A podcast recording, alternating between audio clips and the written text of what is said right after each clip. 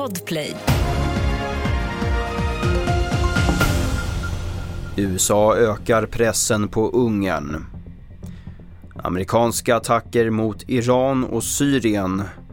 Och flera skadade i knivattack. Det är rubrikerna där vi börjar med att USAs ambassadör i Budapest uppmanar Ungerns premiärminister Viktor Orbán att se till att parlamentet säger ja till Sveriges NATO-ansökan. Men företrädare för det ungerska regeringspartiet och dess koalitionspartner tänker inte ens dyka upp. Mer om det här på tv4.se. Irak hotar med katastrofala konsekvenser efter de amerikanska attackerna mot Iranstödda grupper i Irak och Syrien.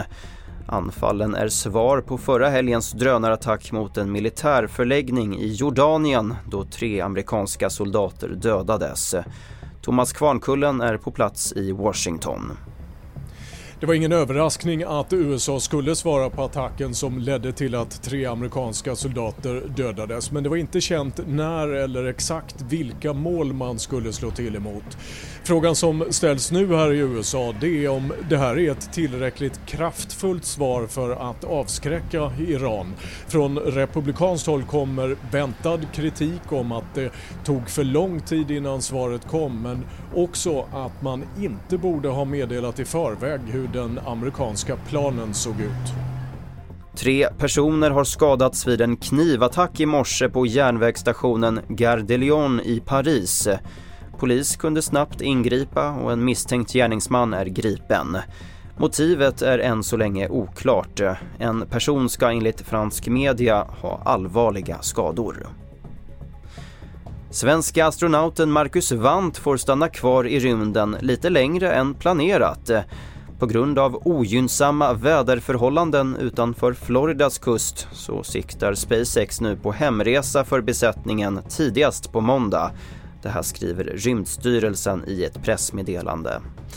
Mer om det här och fler nyheter får du i vår nyhetsapp TV4 Nyheterna och på tv4.se. Jag heter Albert Hjalmers.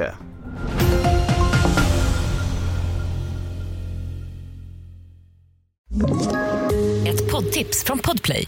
I podden Något Kaiko garanterar östgötarna Brutti och jag, Davva, dig en stor dos skratt. Där följer jag pladask för köttätandet igen. Man är lite som en jävla vampyr. Man har fått lite blodsmak och då måste man ha mer. Udda spaningar, fängslande anekdoter och en och annan arg rant.